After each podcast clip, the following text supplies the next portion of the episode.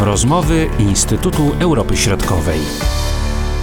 Dzień dobry, witam Państwa w rozmowach Instytutu Europy Środkowej. Przed mikrofonami Marcin Superczyński, a dzisiaj jest ze mną Damian Szacawa. Witam Cię, Damianie. Dzień dobry, witaj. Rozmawiamy tym razem o Szwecji, Szwecji, która aspiruje do NATO, a jednocześnie objęła prezydencję w Radzie Unii Europejskiej.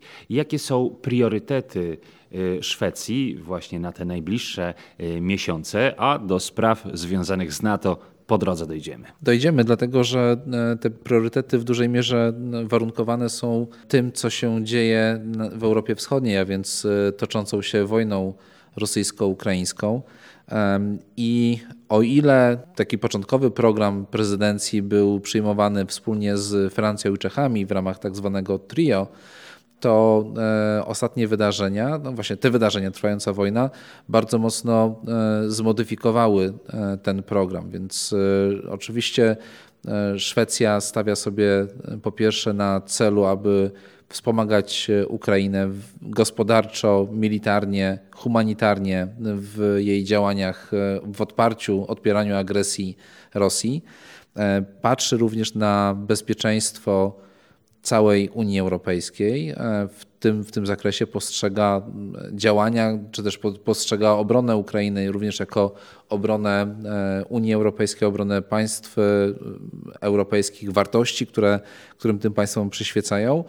Mamy do tego oprócz, oprócz tego, tych kwestii związanych z bezpieczeństwem, czyli również działań związanych na rzecz zwiększenia widoczności Unii Europejskiej, czy, czy też e, kwestii związanych z polityką bezpieczeństwa i obrony, e, priorytety w dziedzinie gospodarczej, czyli konkurencyjność, transformacja energetyczna w kierunku zielonej energii oraz e, wartości demokratyczne i zasada praworządności. To są tak jakby cztery obszary, dość, dość szerokie obszary priorytetowe prezydencji Szwecji, która rozpoczęła się 1 stycznia. To są te priorytety, no ale te najważniejsze działania związane, tak jak powiedziałeś, e, z wojną, którą toczy Rosja na Ukrainie. Jakie konkretne działania będzie tutaj podejmowała e, Szwecja w tym zakresie? Wiemy, wiemy to, że wojna będzie miała konkretne reperkusje dla, dla tej prezydencji bo to będzie w dalszym, w dalszym ciągu e, dążenie prezydencji do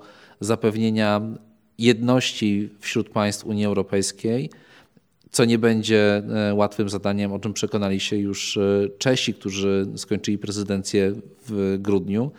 Będzie to kwestia rozszerzenia pomocy gospodarczej, humanitarnej i wojskowej, a w zasadzie utrzymywania tej pomocy dla Ukrainy.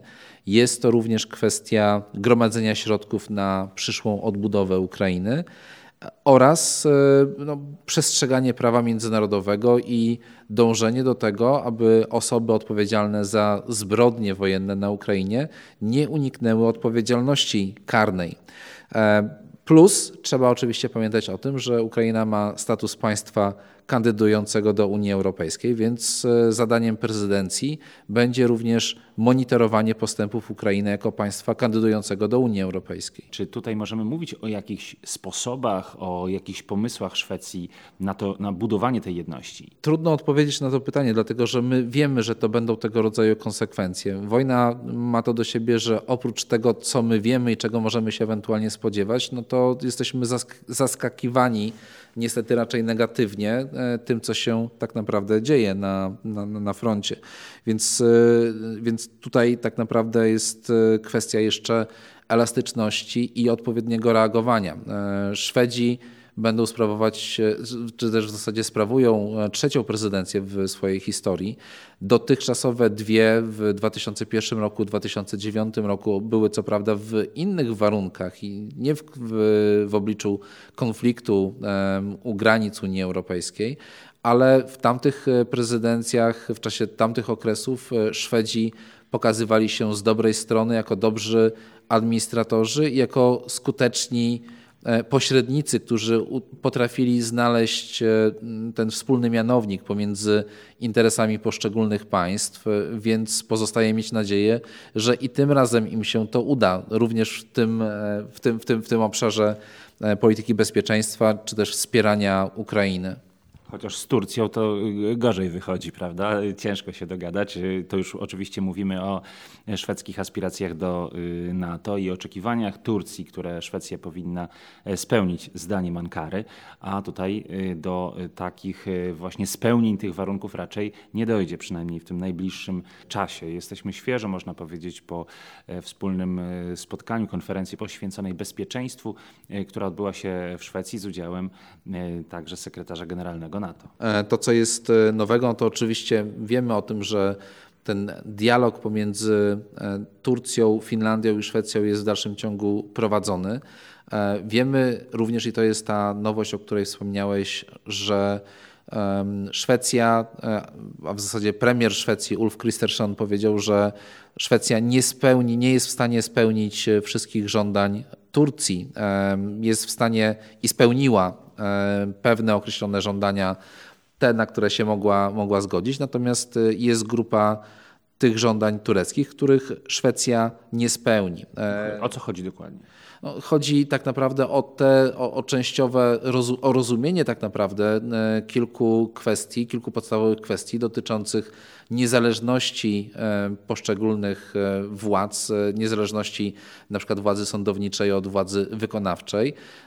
W grudniu mieliśmy do czynienia z taką sytuacją, że Sąd Najwyższy, Trybunał w Szwecji odmówił wydalenia mm, jednego z dziennikarzy, którego personalnie domagał się E, prezydent Turcji Recep Tayyip Erdogan, e, co, spodoba, co spowodowało od razu taką e, lawinową, lawinowe konsekwencje. Natomiast no, to pokazuje, że i Finlandia, i Szwecja, zresztą o tym mówił od początku, są państwami inaczej zbudowanymi. W, sensie, w tym sensie, że niezależność władzy sądowniczej jest, jest, tam, jest tam bardzo duża. I oczywiście czym innym jest zgoda obu państw na niewspieranie e, organizacji terrorystycznych, ale czym innym jest e, kwestia tego, aby cofnąć e, pozwolenie na pobyt albo cofnąć azyl już wydany osobom, którym mogą grozić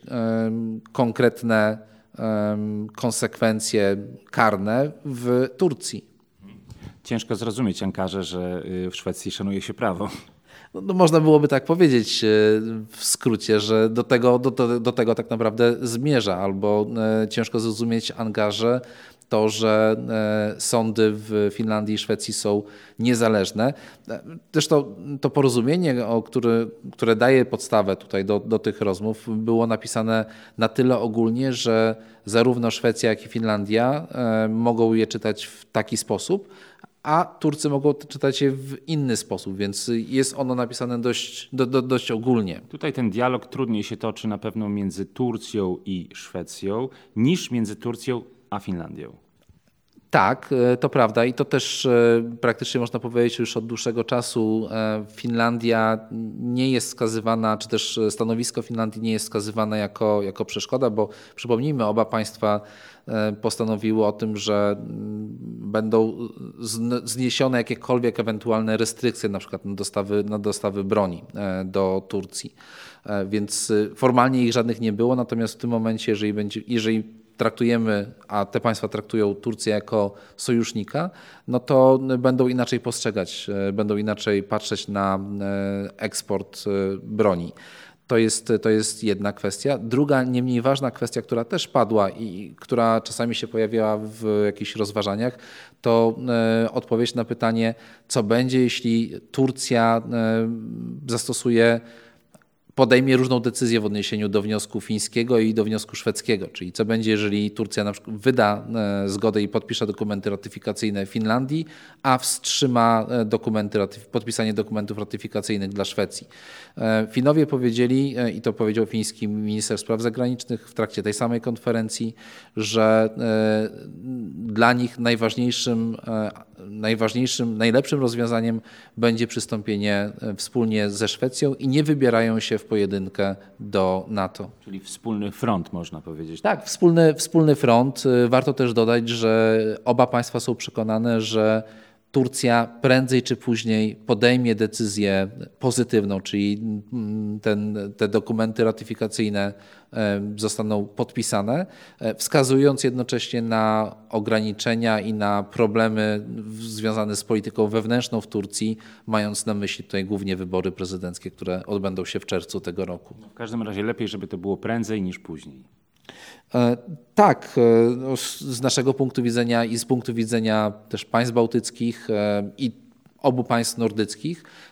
Ten przedłużający się okres niepewności to nie jest coś, z czego, z czego te państwa korzystają. Ta, w dalszym ciągu ta, ta szara strefa bezpieczeństwa, może ona nie jest już taka, taka ciemna, bo tutaj są jednak gwarancje poszczególnych państw natowskich dotyczące bezpieczeństwa Finlandii i i Szwecji, ale jednak no, przedłużający się ten okres on to budzi pewnego rodzaju niepewności. Też to, to jest już któraś nasza rozmowa. Podejrzewam też, że to nie jest nasza ostatnia rozmowa na ten temat. Chyba czwarta, jeśli dobrze liczę i cały czas gdzieś pojawiamy się, pojawia się ten wniosek, że prędzej czy później dojdzie do tej zgody, ale właśnie te rozmowy z Turcją będą się przeciągać. No miejmy nadzieję, że do pięciu razy sztuka. Tak, czyli, czyli dopiero w takim razie kolejne spotkanie już e, w dłuższej, w dłuższej perspektywie, ale tak już e, nie żartując i, i mówiąc, i, i, mówiąc poważnie, e, no, tak, no, Szwecja e, i Finlandia w zasadzie muszą pokazać, że